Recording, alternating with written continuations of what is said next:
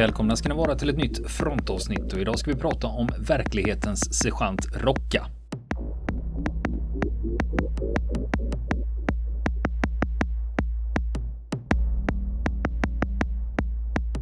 Och nu fortsätter vi berätta historien om verklighetens sergeant Rocka.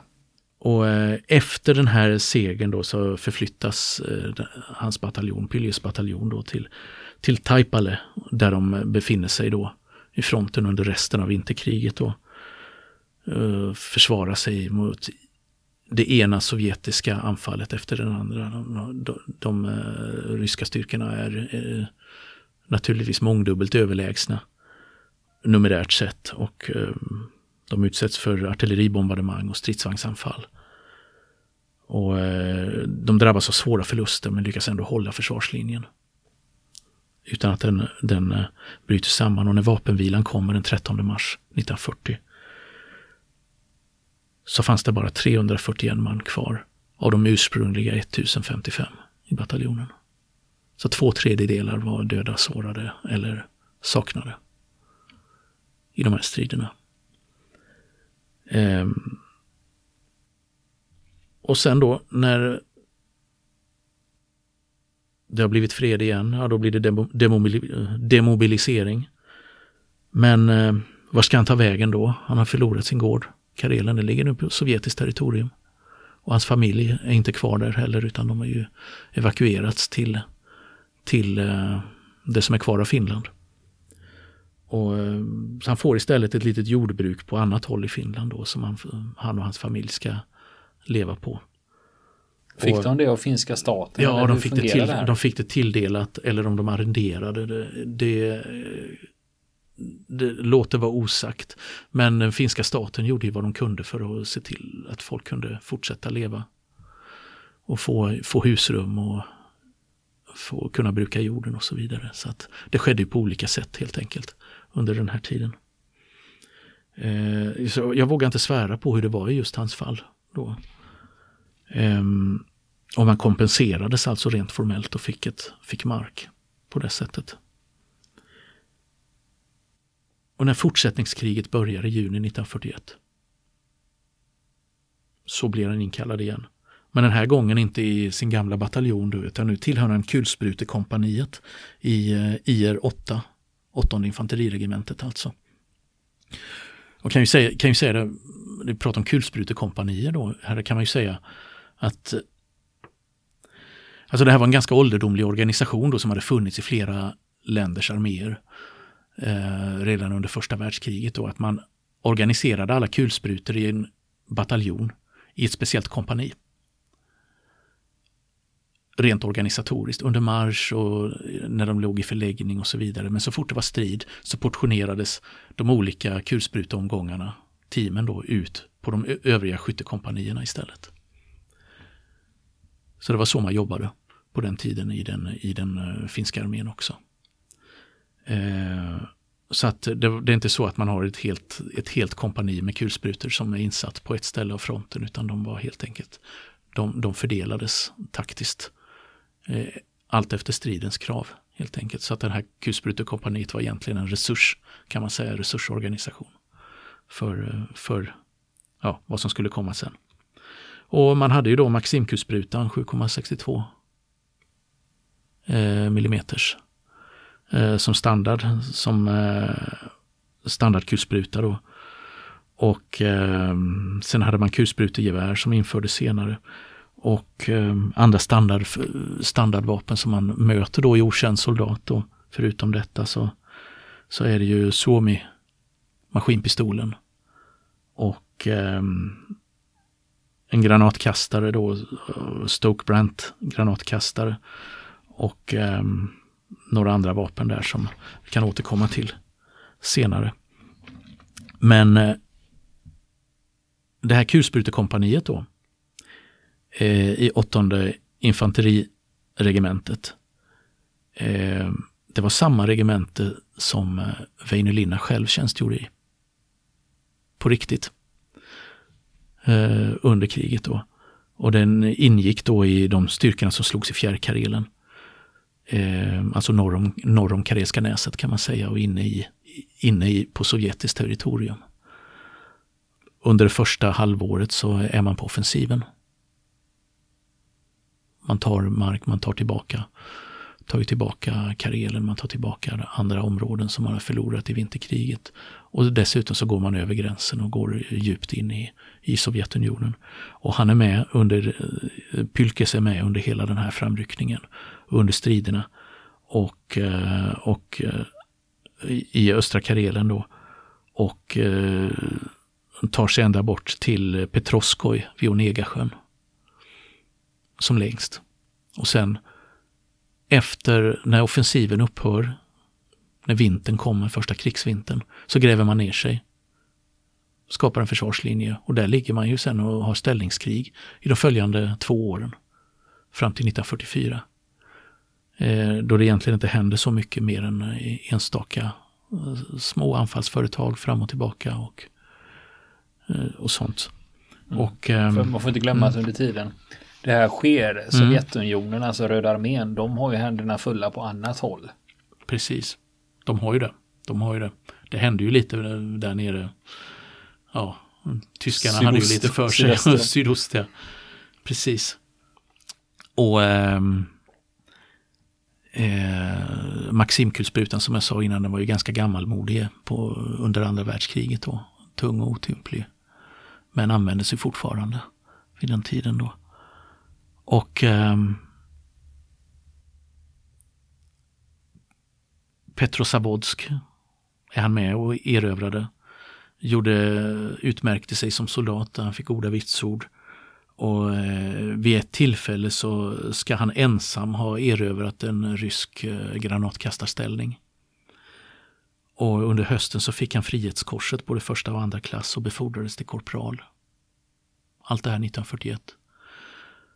Och, eh, och sen då när ställningskriget började då så eh, ja, såg hans vardag ut ungefär som många andra soldaters där. Att i, mm, omväxlingsvis så låg man vid fronten, vaktade ett frontavsnitt, fortsatte gräva skyttevärn och skyttegravar. Och eh, sen blev man avlöst, hamnade i, fick vila ut sig bakom fronten en period och sen skickades man ut igen någonstans. Så, sån var vardagen för de flesta eh, under, under ställningskriget och ganska trist och tråkigt men även dödligt farligt. Med, med tanke på att det här lugn, lugnet plötsligt kunde avbrytas av ett inferno, artilleri och man hade ryssarna över sig i ett lokalt anfall. Men eh, det gällde ju att ha saker att göra och eh, han håller på med massa pyssel åt rustningsindustrin. Han löder metallringar och sånt under, under eh, ledig tid. Och, och, har annat pyssel för sig. Men han, ehm, och precis som många andra då som kom från landet, så fick han permission när det var dags för skörd och fick, kunde hjälpa till där hemma och bärga skörden. Och så vidare. Och skilde sig inte så där speciellt mycket från mängden egentligen, delade samma vardag som jag sa. Han gillades av kamraterna och han var väldigt omilitärisk typ då. Precis som Rocka i boken. Då fick problem med flera av sina chefer. Hamnade i konflikt med dem. Han väg, vägrade till exempel vid ett tillfälle hälsa på en kapten från ett annat kompani. Och när han fick en uppsträckning då av denne så sa han bara lugnt att jag har kommit hit för att slåss, inte för att göra honörer. Och så finns det ju den här scenen som är väldigt känd ifrån filmen och boken då när Rocka egenhändigt skjuter ihjäl en hel sovjetisk pluton i en eldstrid. Då det en, I filmen då så är det en pluton som försöker på skidor, nej pulsande i snön, försöker kringgå en finsk försvarsställning. Och det finns ju de som tycker att det där är en ganska överdriven scen men det kan ha varit så att verkligheten bakom det var faktiskt ännu värre än i än det som visas i filmen.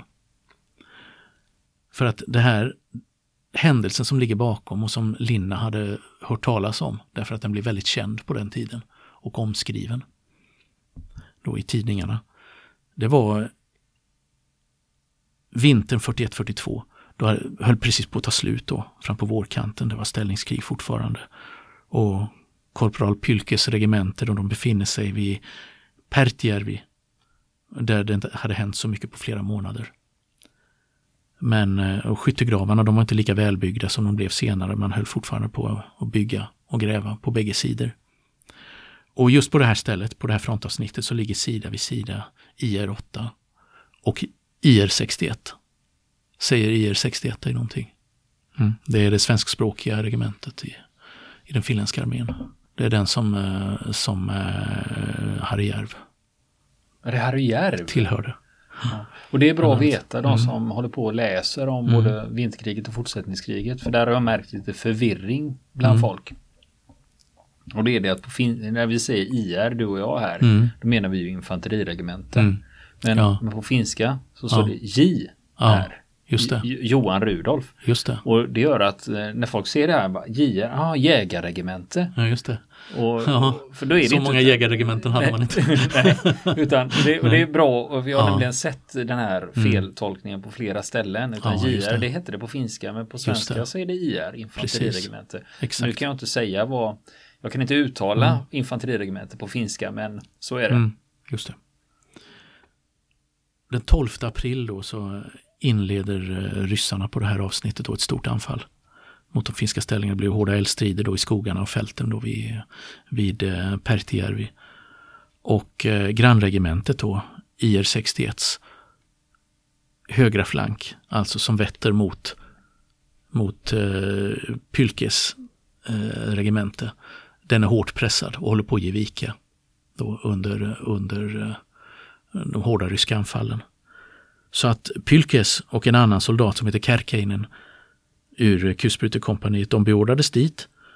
Eh, de verkar inte ha haft någon Maximkulspruta med sig i snön utan de pulsar dit med sina automatvapen, sina Somis eh, kulsprutepistoler. Eh, tar sig fram i den djupa snön då för att eh, för att nå söka förbindelse då med, med kamraterna då i grannregementet. Och plötsligt när de är på väg ditåt så ser de en rysk pluton på avstånd som försöker ta sig igenom luckan mellan de båda regementena.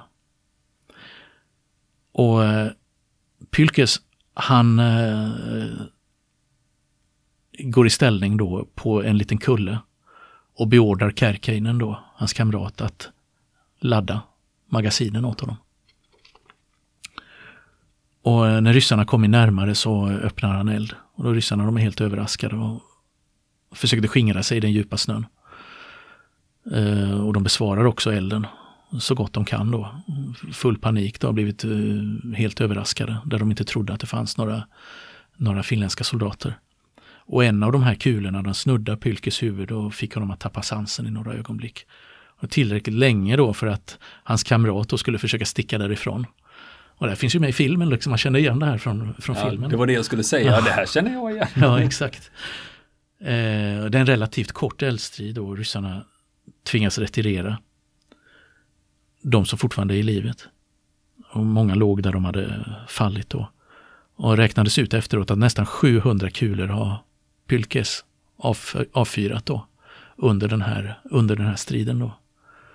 Och eh, och eh, hans vapen blev så överhettat att han var tvungen att byta under striden då, till den andres. Det var ju bara att köra ner det i snön. Mm, ja, precis. Och när striden var över så räknas de stupade. Och då ska det enligt uppgift ha varit 83 döda ryssar. Det är två plutoner då. Ja, precis. Och det här bakhållet då som Pylkes eh, gjorde blev avgörande då, anser man då på finländsk sida då för att hindra ett ryskt genombrott. För det var ju en lucka som hade uppstått då mellan de två regementena och just där så försökte man, försökte ryssarna slingra sig in då. Ta sig in i de, i de finska ställningarna. Och eh, ja, det här blev ju oerhört uppmärksammat då och eh, sågs ju som en extraordinär händelse. Och till och med de tyska vapenbröderna i Finland hörde talas om det här och skickade dit officerare för att inspektera eh, stridsterrängen där det här hade hänt då, fram på vårkanten då. Och eh, det här ledde till då så småningom att, eh, att Pylkes fick järnkorset andra klass också. Utdel, ja, utdelat av general Valdemar Erfurt som var den tyskarnas högsta general i Finland vid den här tiden. Men det här är också ingen militär framgång utan att den ifrågasätts på olika sätt. Och frågan som har diskuterats mycket i Finland efter det här har varit dödade han verkligen 83 ryssar?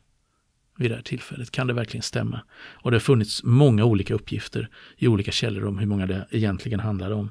Då, eh, siffrorna nämns på ja, 13, 20 och 53. Eh, av de som har ifrågasatt det här. Men man kan säga att oavsett hur många det var för Pylkes själv har sagt efteråt att ja, men det var mina kamrater som sa sen de hade räknat. I en intervju på 50-talet sa jag, mina kamrater räknade liken, de sa att det var över 80. Men eh, oavsett hur många det var så, eh, så eh, var det en viktig insats han gjorde för att han stoppade en inbrytning då i de, eh, i de eh, finska linjerna och eh, bidrog till att hejda, hejda ryssarnas anfall mot eh, grannregementet IR-61. Och eh, i samma intervju då på 50-talet så, så erkände Pylkas, alltså vi ska komma ihåg att Rocka i filmen, han framstår som fullkomligt iskall i det här läget och kolugn. Men eh, Pylkes, han sa i intervjun då som eh, gjordes i mitten av 50-talet att han, han blev svårt chockad av den här striden. Och jag var fullkomligt skräckslagen och kunde inte tro att kriget var så hemskt. Jag trodde att min fru skulle få, bara eh, skulle bli enka.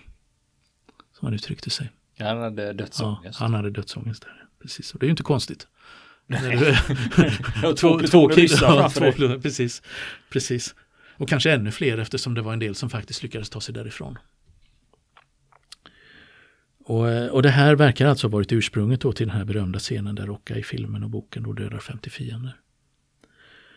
Men vad Linna gör då är att han flyttar scenen från Pertjärvi till en, eh, ett annat ställe, en by som heter Gora i närheten av, eh, av Svir. Och han flyttar tidpunkten också från april 42 till januari 42. Gör han i, i romanen då. Och så att eh, i verkligheten så skedde det tre månader senare och var eventuellt eh, ännu farligare då och mer omfattande än vad som beskrivs i romanen. Då. Och eh, I romanen så handlar det ju om ett, att en rysk styrka som försöker kringgå de finska ställningarna. Men i verkligheten handlar det om ett regelrätt ryskt anfall. Då. Så att, ja, den konstnärliga friheten som Linna har tagit sig här då när han när han gestaltar den här historien då. Ja, det är ju det som är skönlitterärt. Ja, det får, det får, du ju göra när du skriver skönlitteratur. Ja, du får ju ta ut svängarna. Eh, jag intervjuar ju på Bokmässan för några år sedan intervjuade ju Mats Lerneby om hans bok mm. Desertören. Inledningsvis i boken så har han ju mm. en eh, kort, kort skildring av slaget eh, vid Monte Cassino. Mm. Och jag frågar honom liksom, men hur känns det att skriva skönlitteratur? För han har bara skrivit mm. facklitteratur tidigare. Ja, just det. Och han sa det att men det var ju så skönt att skriva, jag kan hitta på vad som helst, det är ingen som, men när för när man håller på med facklitteratur då måste ju allting vara korrekt och allting måste vara kollat måste flera gånger och Exakt. källhänvisningar och hela, hela, men han sa det att mm. det var ju bara att sätta sig ner och bara låta det flöda. Ja, kan också vara en befrielse ibland. Kan vara kul att läsa också. Kan det vara. Men, eh, men som sagt, Pylkes insats där då, även om han var skräckinslagen så var det skräckslagen, så han var ju där av en slump egentligen. Råkade komma i deras väg och ändå en slags kallblodighet mitt i stridens hetta. Och han var tydligen en väldigt god skytt också. Och det var det som avgjorde det hela. Eh, då. Att han var, han var en betydligt bättre skytt. Än, eh, än sina fiender som hade oturen att möta honom på den här platsen. Sen i filmen skildras det ju som han ligger upp, uppe på en liten höjd också mm. och de ja. är liksom ute Just. på Och det gör han ju i verkligheten också. Fältet. Ja. Då har du ju ett naturligt övertag också. Exakt, just det. Och eh, under ställningskriget sen då, under fortsättningen där, så, som jag sa då att eh, ganska trist enformig tillvaro i långa stycken då. Några mindre strider var han inblandad i. Och allt var egentligen lugnt då på den här fronten då fram till sommaren 44. Då bröts ju lugnet, juni 44. När ryssarna sätter igång sin stora sommaroffensiv. För då har ju ryssarnas resurser och kompetens växt i striderna på östfronten jämfört med hur det hade varit ett par år tidigare. Så att man sätter igång en sommaroffensiv både mot tyskarna samtidigt så sätter man igång en mot eh, Finland. Just då när det här bryter löst vid, vid eh, på Karelska näset är detta. Inte vid fronten i Svir där hans regemente ligger, men just då så befinner han sig hemma på sin gård i Karelen. För att han är på permission där. Och när det drar ihop sig då, det, man märker vad det håller på att barka hän. Så han hjälper sin fru och sina barn att packa. Lämna gården. Igen. För andra gången. Innan han beger sig tillbaka till sitt regemente. Och den här scenen den finns ju också i filmen. När Rocka är hemma på gården på, gården på Karelska näset. Och eh, där när han hittar, hittar, till sitt, eh, hittar tillbaka till sitt regemente då så då är det ju i full gång, striderna eh, i skogarna i, i Karelen. Och han deltar i de här fördröjningsstriderna då mot liksom oupphörliga sovjetiska anfall då av mångdubbelt överlägsna fiendestyrkor. Då. Tills han då den 4 juli 44 blir allvarligt sårad när hans, eh, när hans eh, eh, kompani ska gå över en, eh, ett vattendrag. Då vid Tullemajärvi. Och, eh, så att det följer ju också lite, lite grann kan man säga eh, hur det är i boken. Med, med sergeant Rocka. Och efter det här då så när freden kom så arrenderade han en eh, liten gård i södra eller mellersta Finland. Och eh, som räckte till då att försörja familjen på. Han hade två barn då som hade fötts i Karelen. Och fick familjen växte med ytterligare två barn efter krigsslutet. Och eh, han levde ganska tillbakadraget där då som jordbrukare och skogsarbetare. Eh, och när han eh, sen gick i pension då så flyttade han till en ett, eh, liten stad som heter Lempele i närheten av, eh, av Tammerfors. Tampere. Och där, där levde han fram till sin död 1999. Och eh, Så långt om Pylkes. Men man ska veta att det finns också en annan person som har pekats ut som förlaga för Rocca. Och det är just en soldat som hette Anti-Rocca. Och som också sades påminna om Rocca på många sätt, alltså det här odisciplinerade, omilitäriska. Och eh, han var en eh, arbetare då, som, han har varit arbetare på en kvarn i Myllykoski och har faktiskt arbetat tillsammans med Linna en gång också och träffat honom. Och han hade själv frågat Linna en gång om det var han som var förlagan till bokens Rocka. Men då hade Linna sagt att eh, jag har, eh, han berättade att jag har använt ditt namn. Har jag gjort. Och, eh, men det finns fortfarande än idag de som tror att, eh, an, trots allt tror att anti, anti-rocka är, är eh, romanfiguren Rocka. Och bland annat i hans familj. Och så sent som Eh, för ett, drygt ett år sedan så gjorde svenska redaktionen på Sveriges, eller finska redaktionen på Sveriges Radio, Sisu Radio, ett eh, reportage om det här. Och eh, där de pratade med eh, med en anhörig till verklighetens Antirocka. Alltså han som verkligen hette Antirocka. Som, som kom från Ingermanland. Alltså eh, Ingermanland är landskapet som ligger, omger Sankt Petersburg. Eh, kan man säga, och som var inre delen av Finska viken. Där det bodde, eh, där ingermanländska befolkningen då var en eh, finsktalande och, eh, och eh, var ehm, bodde där alltså långt fram i tiden, alltså in under Sovjettiden. Och de flesta ingermanländarna de, de flydde sen under kriget till Finland och även till Sverige och andra håll. För, av rädsla för att, eh, ja, råka ut för sovjetiska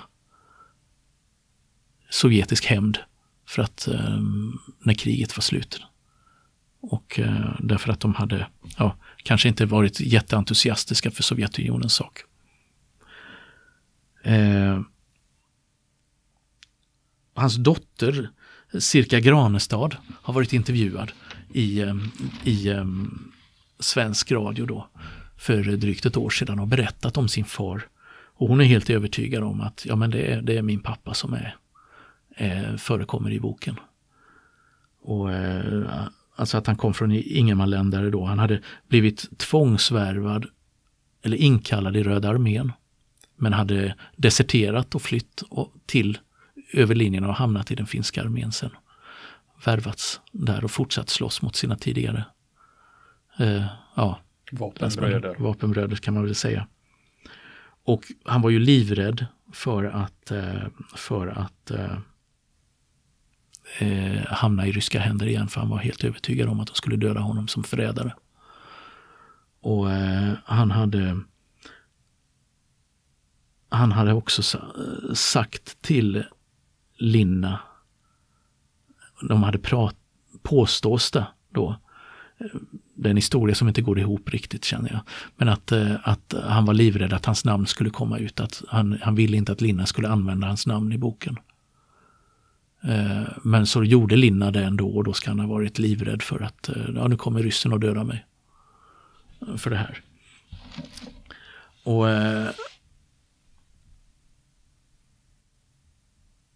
Som sagt, eh, så hela familjen då när, när Finland eh, blir tvunget att sluta vapenstillestånd med Sovjetunionen 1944, fortsättningskriget tar slut, så eh, flyr Antirokka och hela hans familj från Finland ja, via, via Haparanda till Sverige. Och eh, barn och barnbarn bor fortfarande i Sverige. Då, nu för tiden.